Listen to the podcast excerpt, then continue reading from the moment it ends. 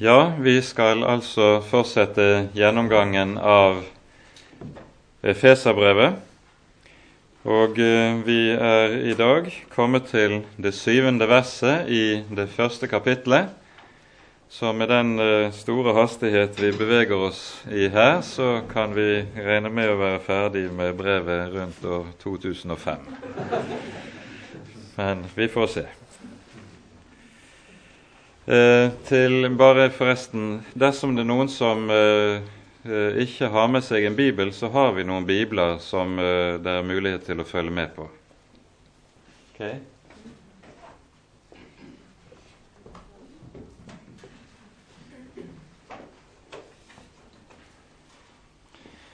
Ja, skal vi folde hendene på ny før vi leser?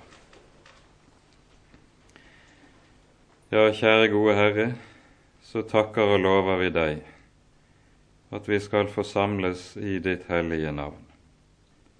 Og under det løftet du har gitt, at når vi er samlet i ditt navn, er du selv til stede.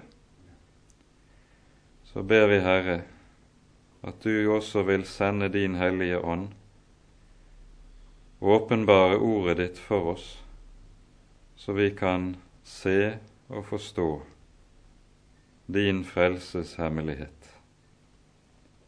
Herre, kom du, for på deg kaller vi. Amen.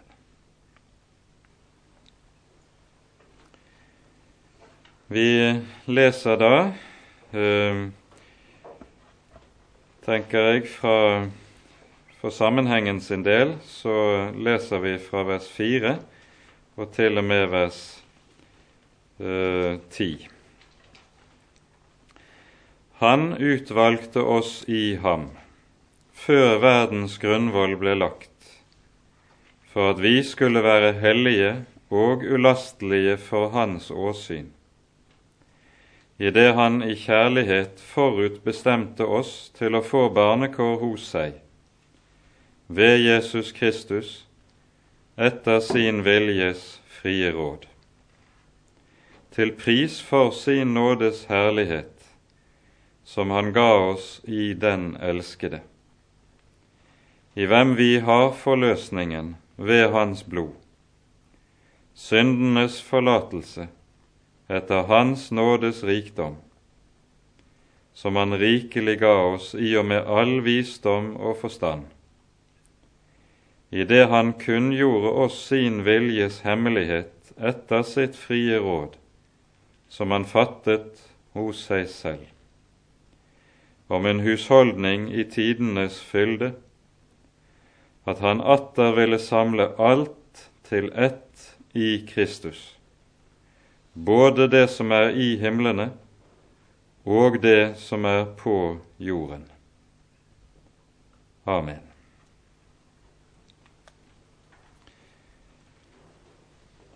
I løpet av disse versene vi her har lest, så hører vi en rekke ganger om Guds råd. Det sies to ganger direkte eh, Eller to ganger er det direkte tale om Guds frie råd. Og så hører vi i tillegg i det fjerde verset om at her er det tale om noe Gud har bestemt, noe Gud har fattet beslutning om før verdens grunnvoll ble lagt.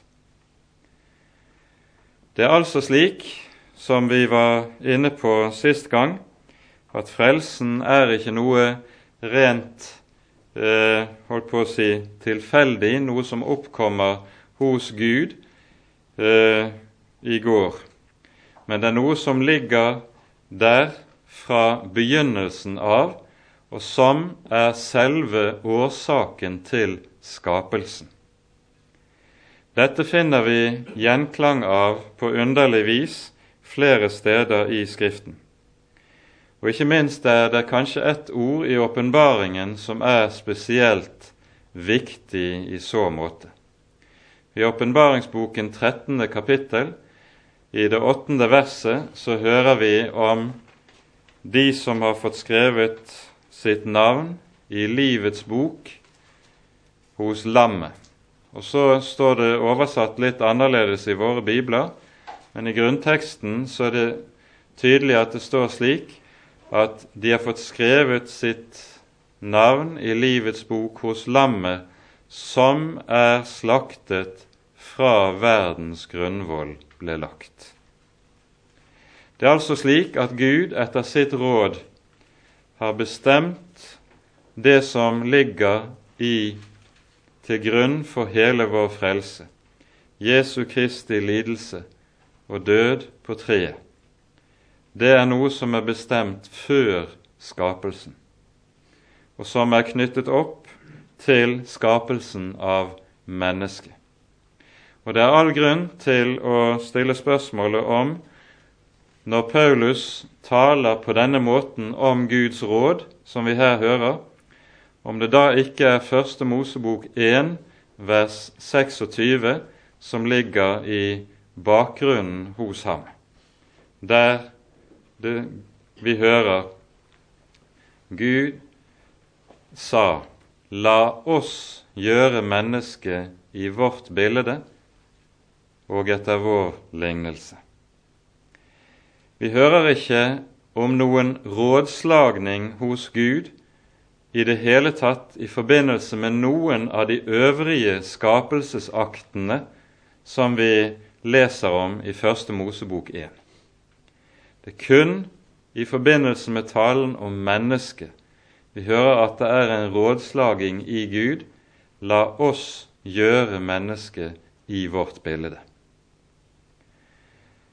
Og så vi, kan vi med god grunn tenke at det er dette som ligger bakom når Paulus taler om Guds frie råd, slik vi her hører det i Efesane 1, blir understreket så sterkt. I slutten av det sjette verset så hører vi at Jesus gis et bestemt navn. Og Dette navnet skal vi merke oss. Jesus kalles for Den elskede. Og Det er en tittel som gis ham, og som vi møter allerede i evangeliene flere ganger. Dere vil huske at i forbindelse med Jesu dåp så er det slik at når han stiger opp av vannet, så åpner himmelen seg, og Faderen taler fra himmelen og sier:" Dette er min sønn, den elskede, i hvem jeg har velbehag. Og Likeledes hører vi i forbindelse med forklarelsen på berget det samme sies. Når Faderen forklarer Sønnen, så sies det samme Dette er min sønn, den elskede. Hør ham. Det er altså tale om at Jesus er den særlige gjenstand for Faderens kjærlighet. Og dette er noe som er helt grunnleggende i selve frelsesverket, slik det beskrives for oss, ikke minst i Johannes evangelium. Vi skal her peke på særlig noe vi leser i Johannes 17. Her hører vi fra vers 24 slik Far, jeg vil, ber Jesus, jeg vil at hvor jeg er, der skal også de du har gitt meg, være hos meg, for at du de skal se min herlighet som du har gitt meg, fordi du har elsket meg før verdens grunnvoll ble lagt. Og i vers 26 leser vi slik:" Jeg har kunngjort dem ditt navn, og jeg vil kunngjøre dem det, for at den kjærlighet hvormed du har elsket meg, skal være i dem, og jeg i dem. Det som ligger til grunn for selve frelsesgjerningen, slik som vi hører det her i Johannes evangelium. Det er et bestemt forhold det er mellom Faderen og Sønnen innad i treenigheten. Faderen elsker Sønnen. Og når Faderen sender sin Sønn for å frelse menneskeheten, så er det med ett bestemt formål for øyet som vi hører i Johannes 5. Her sies det sånn i vers 20.: Faderen elsker Sønnen og viser ham alt det han selv gjør, og han skal vise ham større gjerninger enn disse for at dere skal undre dere.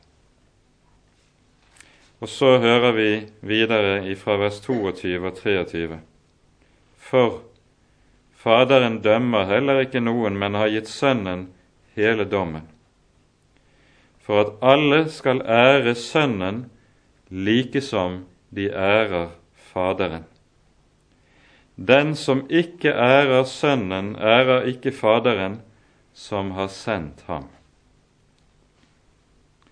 Frelsens formål, det er nemlig dette at like som Sønnen er den eneste og den elskede i Faderens øyne, så skal Sønnen bli den eneste og den elskede også i menneskehetens øyne. Slik at når vi får del i frelsen, så skal det komme til å skje hos oss at Guds sønn får samme plass i våre hjerter som han har i Faderens hjerte. Alle skal ære Sønnen like som de ærer Faderen. Derfor er det Faderen arbeider på, mer enn noe annet. Det er å binde menneskeheten til Sønnen, den elskede. Det underlige i dette det er jo også at bakom denne tittelen som Jesus her får, Den elskede, ligger det også en annen tekst fra Det gamle testamentet, nemlig fra Første Moseboks 22. kapittel, der vi hører om ofringen av Isak.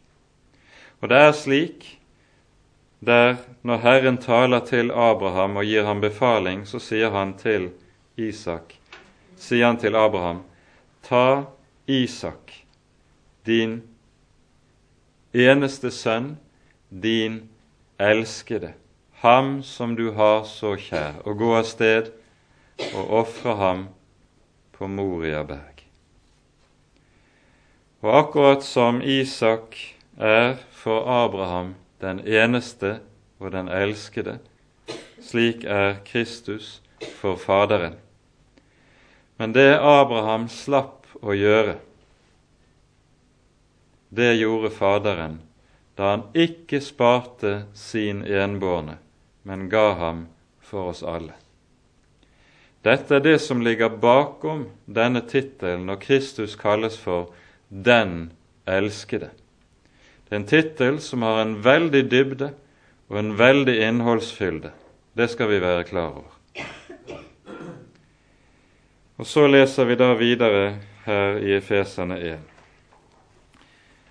Han ga oss altså sin nådes herlighet i den elskede, i hvem vi har forløsningen ved Hans blod, syndenes forlatelse etter Hans nådes rikdom. Det ordet som her er oversatt med 'forløsning', det er et ord som i grunnteksten betyr løsepenge eller løskjøpelse, og som på gresk sikter til den løsesum som f.eks. ble betalt dersom man skulle kjøpe fri krigsfanger eller treller. Men selve ordet går tilbake på en institusjon som vi finner i Det gamle testamentet, og som er omtalt i Tredje Mosebok i det 25. kapittel.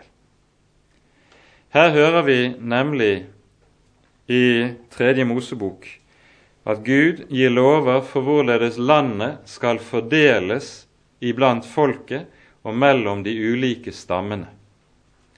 Og så er det slik at de ulike stammene og slektene og ættene ikke skal avhende den arven som de får i landet. Og Dersom noen blir så fattig at de eventuelt blir nødt til å selge noe av sin arvejord, så sier Gud landet hører ikke dere til, det hører meg til. Dere har bare fått det som del av meg. Og så gir Gud den ordning i folket at innen hver storslekt eller storfamilie er det en person som skal ha rollen som løser. Så hvis noen er så fattig at de må selge unna sin arvelodd som er gitt dem av Herren, så har løseren plikt på seg til å betale summen slik at den fattige kan få tilbake, komme tilbake til den arven som de har fått av Herren. Det er dette som er tema i Ruths bok. Gud har altså gitt en løser til å sørge for de fattige og de som ikke selv kan hjelpe seg. Og det er nettopp denne ordning som ligger bakom ordet når det er tale om forløsning her i Det nye testamentet. Jesus er altså forløseren. Og det peker på at i Det gamle testamentet så kan gis Gud ofte denne tittelen at han er løseren. F.eks. i det kjente ordet i Jobbs bok 1925. Jeg vet at min gjenløser lever. Der er det vi har dette ordet som ligger bak i grunnteksten. Og Hele poenget her er da at løseren, han er den som skal betale prisen for å fri ut. Den fattige, den bundne, den som er i fangenskap, den som er trell.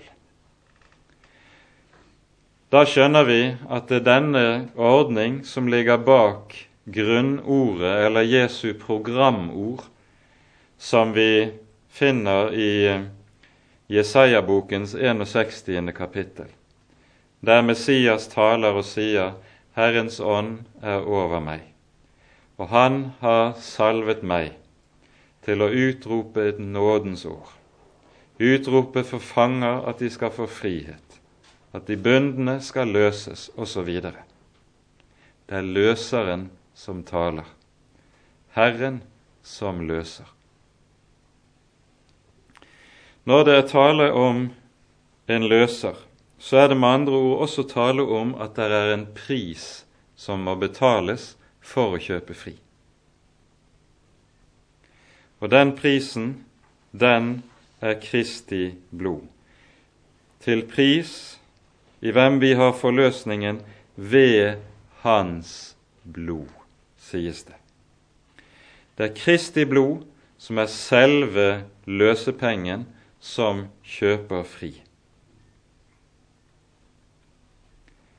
Og Det vi skal merke oss her, det er at denne løsepengen det er en såre kostbar pris Gud betaler når vi skal få frelsen for intet, gratis, uten at det kreves noe av oss til gjengjeld, så betyr ikke det at dette er noe som er på billigsalg. Dette har kostet Gud usigelig mye. Det har kostet Guds sønn hans liv og hans blod. Det er offeret som ble båret. Dette, denne løsepenge som det her er tale om, den er antydet i den 49. salmen, der vi hører den salme som er skrevet om hvorledes mennesket er fanget under dødens makt og velde. Og så blir spørsmålet reist hvordan skal mennesket fris ut? Og så leser vi slik i den 49. salmen, da fra vers 8 av. En mann kan ikke utløse en bror. Han kan ikke gi Gud løsepenge for han, for deres livs utløsning er for dyr, og han må avstå derfra til evig tid. Det som er umulig for mennesket, å løse ut noen annen fra døden, fra dommen, fra alt det som hører med, fra synden og fra loven. Det er det Guds sønn gjør i forløsningen. Og den prisen som her gis, er Kristi blod. Lenger ute i 1. Peters brevs første kapittel sier, sier, Peter disse ordene som også Luther tar inn i forklaringen i Lille katekisme til annen trosartikkel. Dere vet at dere ikke med forgjengelige ting, gull eller sølv, ble kjøpt fri fra deres dårlige ferd som var arvet fra fedrene, men med Kristi dyre blod som blodet av et ulastelig og lyteløst lam. Ved Jesu blod er prisen betalt. Og dette blod er så virkekraftig at det ikke bare kan utløse én bror fra døden, men det kan utløse hele menneskeheten fra døden. Hvorfor? Fordi den Herre Jesus er ikke blott og bart et menneske. Han er Gud.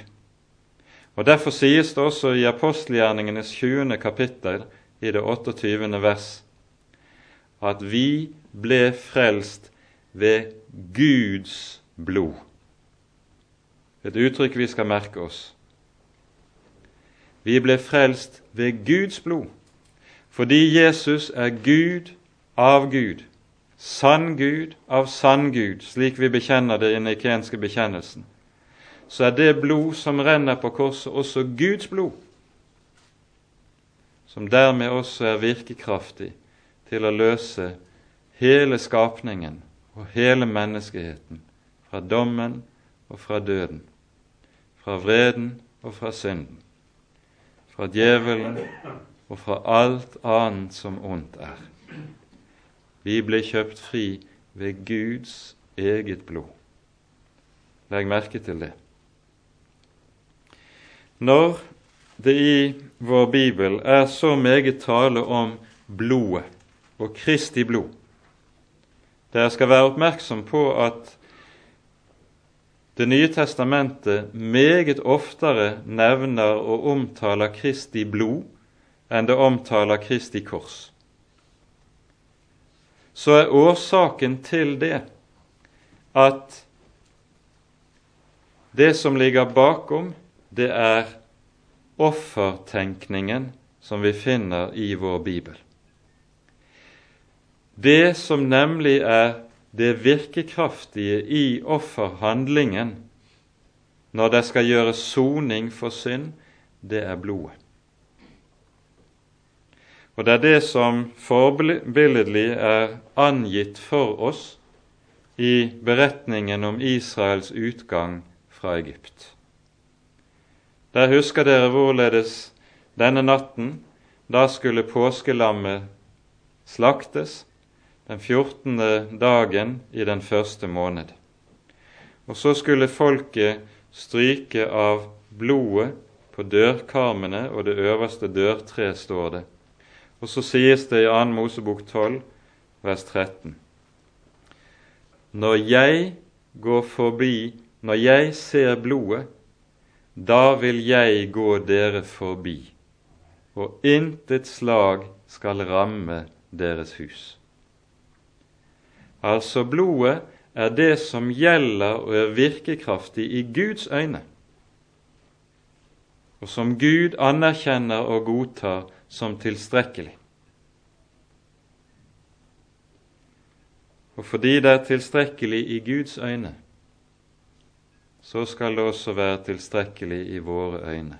Der trengs intet annet. Der trengs intet mer. Der trengs intet i tillegg. Når Kristi blod er gitt, så sier Gud, 'Jeg har fått nok'. Det er saken. Og så er vi frie. I andre halvdel av det syvende verset her så får vi en nærmere utleggelse av hva som er hovedsaken i forløsningen. Vi hørte i hvem vi har forløsningen ved Hans blod. Syndenes forlatelse etter Hans nådes rikdom. I forbindelse med offerlovgivningen i Det gamle testamentet så sies det er det én setning som dukker opp om igjen og om igjen. Etter at presten har vært inne i det hellige med blodet, eventuelt i det aller helligste, så lyder det slik. Således skal han, nemlig presten, gjøre soning for dem, så de får forlatelse. Forlatelsen er frukten av at det gjøres soning. Når det er skjedd soning, så kommer syndenes forlatelse som resultat av det.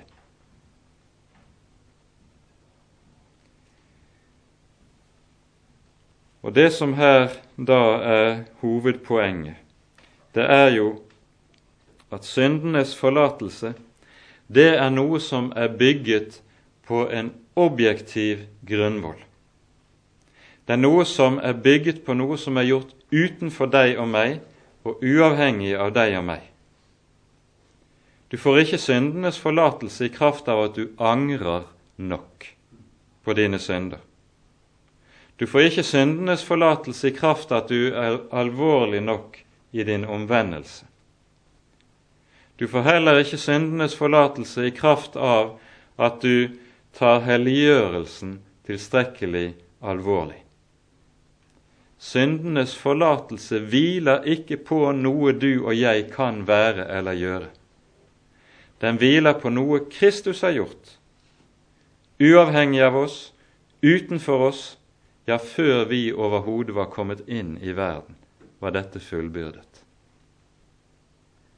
Fordi det er uavhengig av oss, derfor står det også fast. Derfor holder det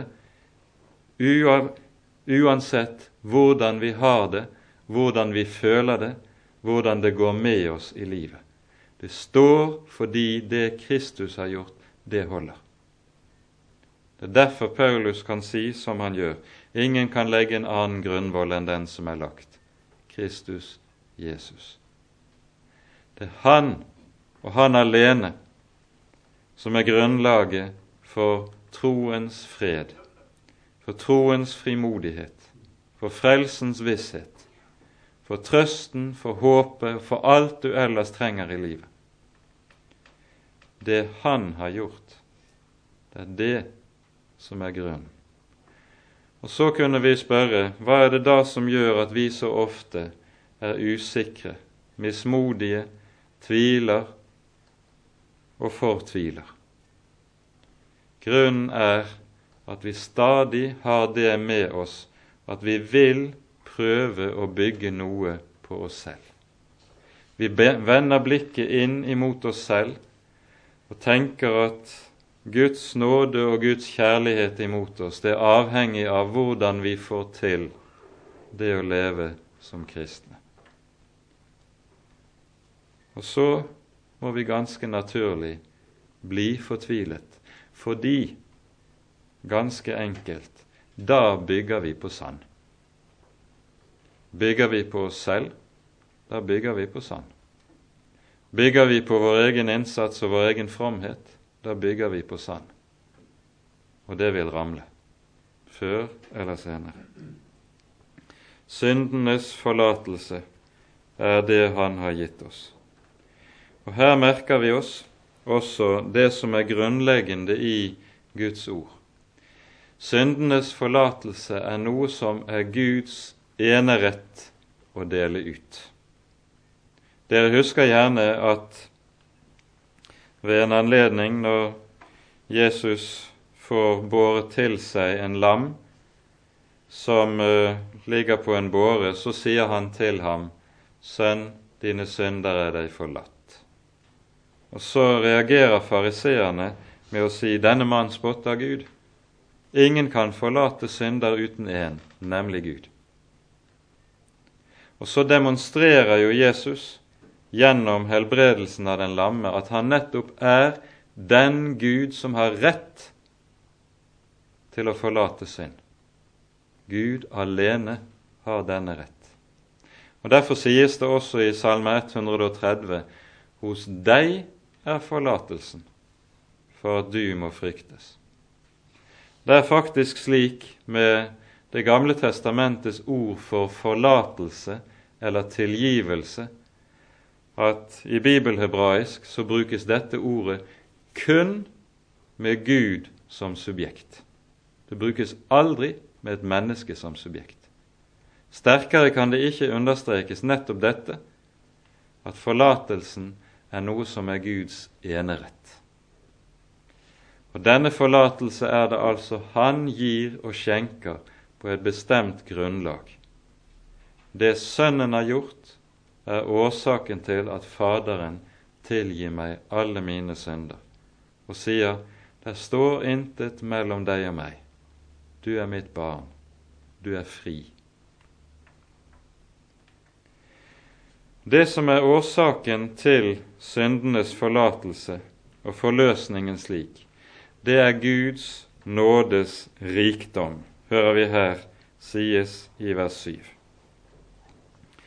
Og Dette ordet med nåd, Hans nådes rikdom skal vi også merke oss. For dette er et uttrykk som stadig dukker opp igjen, særlig i Det gamle testamentet. I Andre Moseboks 34. kapittel har vi et grunnord som taler om denne saken, der Herren åpenbarer seg for Moses som nådens Gud. Og så sies det slik i vers 6. Herren gikk forbi hans ansikt og ropte, Herren, Herren, er en barmhjertig og nådig Gud, langmodig og rik på miskunnhet. Gud er ikke gjerrig når han deler ut sin miskunnhet. Han er tvert om rundhåndet og rik på miskunnhet. Hans hånd er full av nåde. Den åpner han og deler villig ut til syndere. Samme saken har du i f.eks. den 86. salmen, der det står slik i vers 5. Du, Herre, er god og villig til å forlate, og rik på miskunnhet mot alle dem som påkaller deg. Når det på denne måten sies at han er rik på miskunnhet, så har vi ordet i Romane 10 som knytter opp imot det. Han er rik nok for alle som påkaller hans navn. Han er så rik at det aldri blir slutt på miskunnhet.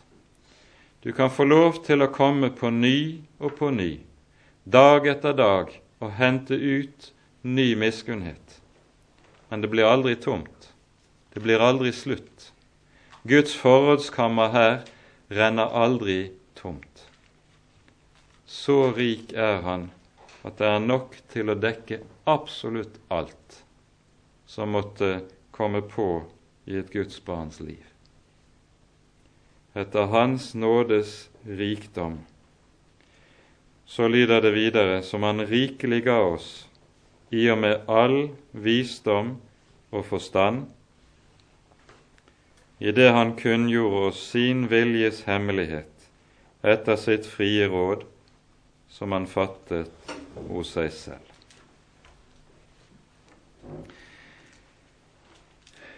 Her gir Paulus det budskap og den tro som vi har mottatt gjennom evangeliet, et bestemt navn. Han kaller det noe som er gitt oss som visdom og forstand.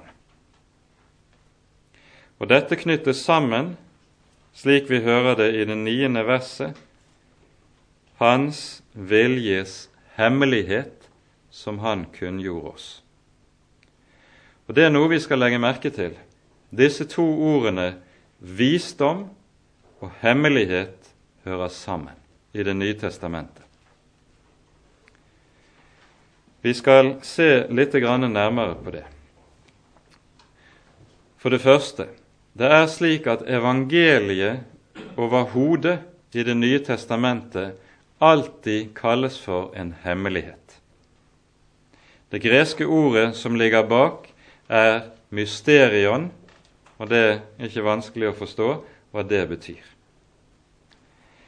Og Det som kjennetegner denne hemmelighet, som er gitt i evangeliet, er at det er en hemmelighet som er ganske forskjellig fra det vi opplever som hemmelighet.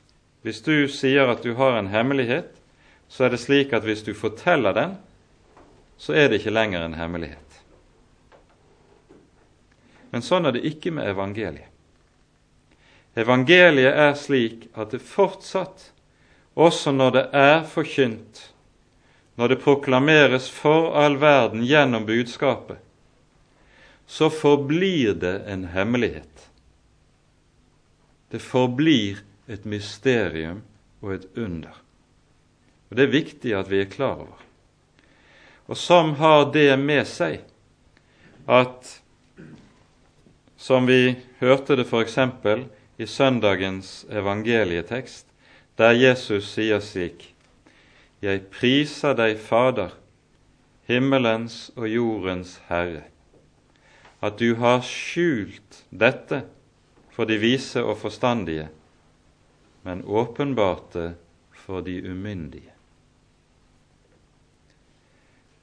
Det rare er at når denne hemmelighet, som er evangeliet, kunngjøres for de vise og forstandige, så ser de den ikke, og så forstår de den ikke. Den skjules nettopp i det den kunngjøres. Det er det underlige paradokset. Vi leser om akkurat dette i 1. Korinterbrevs annet kapittel.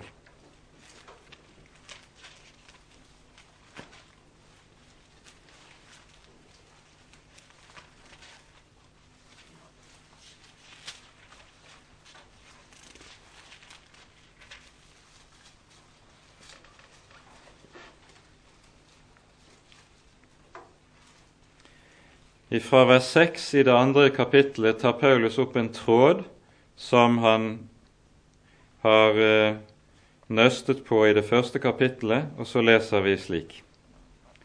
Dog, visdom taler vi blant de fullkomne, men en visdom som ikke tilhører denne verden, eller denne verdens herrer, de som forgår, men som en hemmelighet taler vi Guds visdom, den skjulte, den som Gud fra evighet av har forutbestemt til vår herlighet, den som ingen av denne verdens herrer kjente, for hadde de kjent den, da hadde de ikke korsfestet herlighetens herre.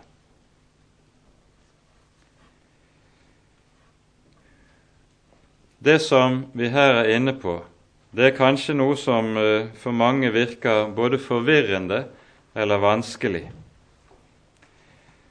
Men det det henger sammen med, det er at Det nye testamentet har en tankeverden som ofte går helt på tvers av det som er vår måte å tenke på vanligvis, og som vi vanligvis kaller sunn fornuft. Vi skal hente frem et eksempel på dette, nemlig fra Matteusevangeliets 13. kapittel.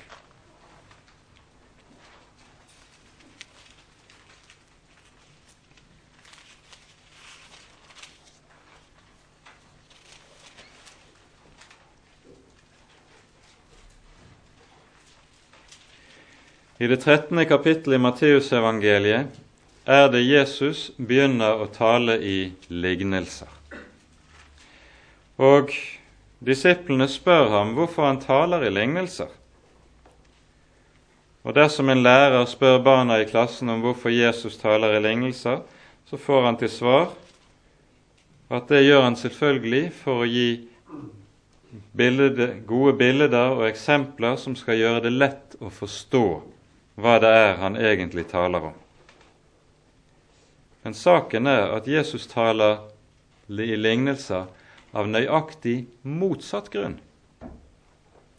Vi leser ifra vers 10 i Matteus 13. Disiplene gikk til ham og sa, Hvorfor taler du til dem i lignelser? Han svarte og sa til dem, Fordi dere er det gitt å få vite himmelrikets hemmeligheter, men dem er det ikke gitt. Og så i vers 13.: Derfor taler jeg til dem i lignelser, fordi de ser og dog ikke ser. Fordi de hører og dog ikke hører og forstår. Lignelsen er altså en særlig tale fra Jesus' side som har det med seg at det skjuler hemmeligheten i evangeliet for de vise og forstandige. Det er ikke bare eksempelfortellinger som er et pedagogisk middel, og som skal gjøre det enkelt for folk å forstå hva Jesus taler om. Det er en særlig tale som har det med seg at vannene skilles. Og så skjules evangeliet for noen, men åpenbares for andre. Men vel å merke også når evangeliet åpenbares, så fortsetter det å være mysterium. Det er nemlig slik med evangeliet at evangeliet er aldri noe som et menneske kan kunne eller beherske og likesom ha i lommen. Det er alltid noe som Gud må få lov til på ny og på ny å lukke opp, og som Han derfor har i sin hånd, og som han åpenbarer når han lar evangeliet lyde ved sin Hellige Ånd. Derfor er det Paulus sier som han gjør i Romerbrevets innledning. Evangeliet er en Guds kraft til frelse for hver den som tror. Hvorfor? Jo, står det i neste verset, for i det åpenbares Guds rettferdighet. Evangeliet er en forkynnelse som åpenbarer frelsens hemmelighet. Mysteriet. Og denne frelsens hemmelighet, eller mysteriet som vi her taler om, den er samlet i en sum i Jesu kors. Det hører vi Paulus tale om i 1. Korinterbrevs første kapittel, der han sier ordet om korset er vel en dårskap for dem som går fortapt, men for oss som blir frelst, er det en Guds kraft. Paulus var blitt anklaget av en del kloke hoder i Korint for å ha en litt for enkel forkynnelse. I Korint var det jo slik at det som var på moten der i byen, det var datidens filosof, populærfilosofer. Og det som var om å gjøre, var å liksom eh, kunne leve opp til en del av det som disse filosofene prekte og lærte rundt om på gater og torg og i skolene. Og dersom og det er det Paulus da får høre. Hvis du vil at forkynnelsen av kristen tro skal få inngang hos folk her i Korint, da må du tilpasse forkynnelsen til denne filosofi, til visdomstalen som folk er opptatt av. Du må med andre ord tale tidens språk. Og Hvis du bare taler tidens språk her i Korint, så vil det være langt, langt flere som vil forstå at kristentroen, det er tingen. Men så er det altså Paulus pukker på at det som er selve kjernen i evangeliet, det er ord om korset. Det er og blir en dårskap for denne verdens visdom. Det vil fortone seg som noe som er ytterst tåpelig, og som alle kloke hoder rister på hodet og sier 'stakkars de som kan tro på noe sånt'. Det gjorde de den gang, og det gjør de i dag. Ordet om korset er hemmeligheten. For i det åpenbarer Gud sin visdom, en visdom som for verden er dårskap, som nettopp derfor er hemmeligheten. I det åpenbarer Gud sin frelseskraft, skjult under noe som ser ut som det stikk motsatte, som hjelpeløshet og avmakt. Og Så slutter Paulus dette avsnittet i første kor 1, hvor han taler om dette slik. Men Guds dårskap er visere enn menneskene. Guds svakhet er sterkere enn menneskene. Og så sier han i forlengelsen i det andre kapittel Derfor, når han forkynner evangeliet, så forkynner han det ikke med kloke ord, ikke i tidens talemåter, og han gjør dette av en bestemt grunn for at deres tro ikke skal være grunnet på menneskers visdom, men på Guds kraft. Merk det. Evangeliet har alltid noe dypt anstøtelig i seg, som gjør at de kloke her i verden de vil alltid reagere og rygge tilbake. Men de umyndige de får se. De hjelpeløse, de som har gått på grunn i livet, de får se. Og så ser de evangeliets hemmelighet. Det som for verden er dårskap, det er visdom. Og Det er dette Paulus her taler om i inngangen til Efeserbrevet, når han taler om at Gud rikelig har gitt oss sin nådes rikdom i og med all visdom og forstand. Så tenkes det altså ikke på en visdom og forstand som svarer til denne verdens visdom, og som denne verdens kloke hoder vil akseptere og bøye seg for. Nei, det er en visdom som gjør at Guds barn vil bli ansett som dårer. Men Guds visdom, Guds dårskap, er visere enn menneskene. Slik er det, og vi skal være klar over det vi her er inne på, at evangeliet på denne måten er en hemmelighet. Det åpenbares i skrøpelighet og i svakhet. Guds visdom åpenbares i det som ser ut som dårskap. Og så har det derfor nettopp det med seg at det kan bare mottas når det åpenbares for syndere, åpenbares for hjelpeløse. Jeg priser deg, Fader, himmelens og jordens Herre, fordi du har skjult dette for de vise og forstandige, men åpenbaret det for de umyndige.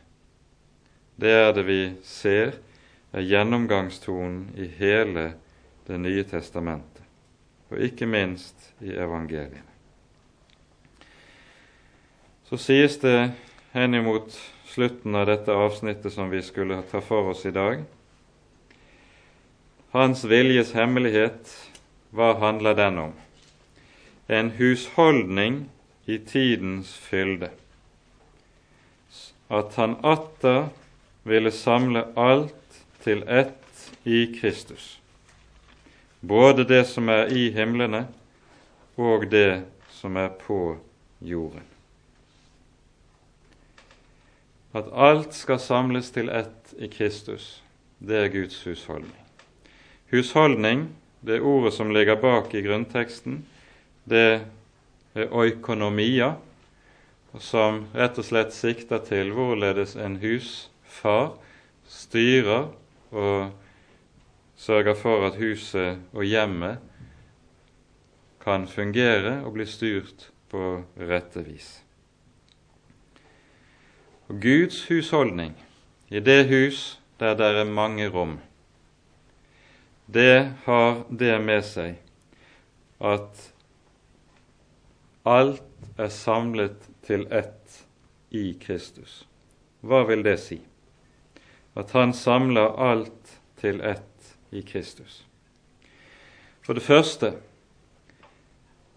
er dette noe Jesus selv også sier uttrykkelig i sist søndags prekentekst, når han sa, som dere vil huske, alle ting er meg overgitt av min Fader. Jesus har fått alt av Faderen. Hva vil det si? Det innebærer at alt som overhodet finnes i fortid, nåtid og fremtid, alt som er i det høye og det dype, det skal bindes sammen i Kristus. Paulus taler om noe av dette på slutten av kapittelet, når vi leser fra vers 20 her i Efesane 1. Gud viste sin veldige kraft på Kristus da han oppvakte ham fra de døde og satte ham ved sin høyre hånd i himmelen, over enhver makt og myndighet og velde og herredom, over ethvert navn som nevnes, ikke bare i denne verden, men også i den kommende. Og han la alt under hans føtter og ga han som hode over alle ting til menigheten, som er hans legeme, fylt av Ham som fyller alt i alle. Når Kristus er den som Gud samler alle ting i, så gjelder det på mange vis. Det gjelder på det vis at han er stedfortrederen. Den som samler hele menneskeheten i seg. Om ham gjelder det én for alle, alle for én. Gud har samlet hele menneskeheten i sin sønn på det vis at når han dør på korset, så er det hele menneskeheten som også nagles på korset, sammen med ham og i ham. Det er det første vi skal merke oss. Alt er samlet i ham fordi han er stedfortrederen. Dernest er alt samlet i ham også på den måten at i Kristus er alt hva vi trenger, alt hva Gud har å gi oss, det gis oss i Kristus. Skal du få noe eller motta noe fra Gud, så får du det utelukkende i, ved og gjennom Guds sønn. Dette er også noe Paulus er inne på i 1. Korinterbrevs første kapittel, der han sier slik Av ham er dere i Kristus, som er blitt oss visdom fra Gud, rettferdighet, helliggjørelse og forløsning, for at, som skrevet står, den som roser seg, han roser seg i Herren. Det er intet i det kristne liv, intet i den kristne menighet og kirke, som ikke alt sammen har sin kjerne og går tilbake til Kristus. Alt er i ham. Intet er i oss selv eller av oss selv. For at det også, som skrevet står i Romane 11, skal være på det vis av ham, ved ham og til ham er alle ting. For at like som de ærer Faderen, skal de også ære Sønnen. Det er Faderens hensikt. Ved å samle alle ting til ett i, i sin Sønn, så er det, sørger Faderen for at Sønnen også er den som skal ha all ære. Alt Faderen vil, alt Faderen gjør, gjør han i og ved Sønnen. Alt vi mottar, alt vi skal når vi søker til Gud, det skjer ved Sønnen. Ved ham alene. Ingen annen. Derfor er det også slik som uh, vi hører det i Jesaja-boken i det 45. kapittel. Bare i ham er rettferdighet og styrke. Vi kan nok innrømme alle sammen at i Gud er det både rettferdighet og styrke. Men når profeten føyer til dette ordet 'bare', da får vi kanskje vanskeligheter. For der er nå en og annen rettferdighet annet sted òg. Der er nå også styrke annet sted òg. Men det som kjennetegner Guds folk, og den hellige kristne menighet, det er at den vet bare i ham, bare i ham har de sin rettferdighet og har de sin styrke. Og Derfor er det også slik at det er bare der hvor dette gjelder, det kan stå som Jesus sier, dødsrikets porter skal ikke få makt over den. Det er den kristne menighet, det er det Guds folk som kan si 'bare i ham', som også har dette løftet. For det er i Kristus alle Guds løfter har sitt ja og sitt amen. Og med det setter vi punktum for denne timen. Ære være Faderen og Sønnen og Den hellige ånd, som var og er og være skal en sann Gud, høylovet i evighet. Amen.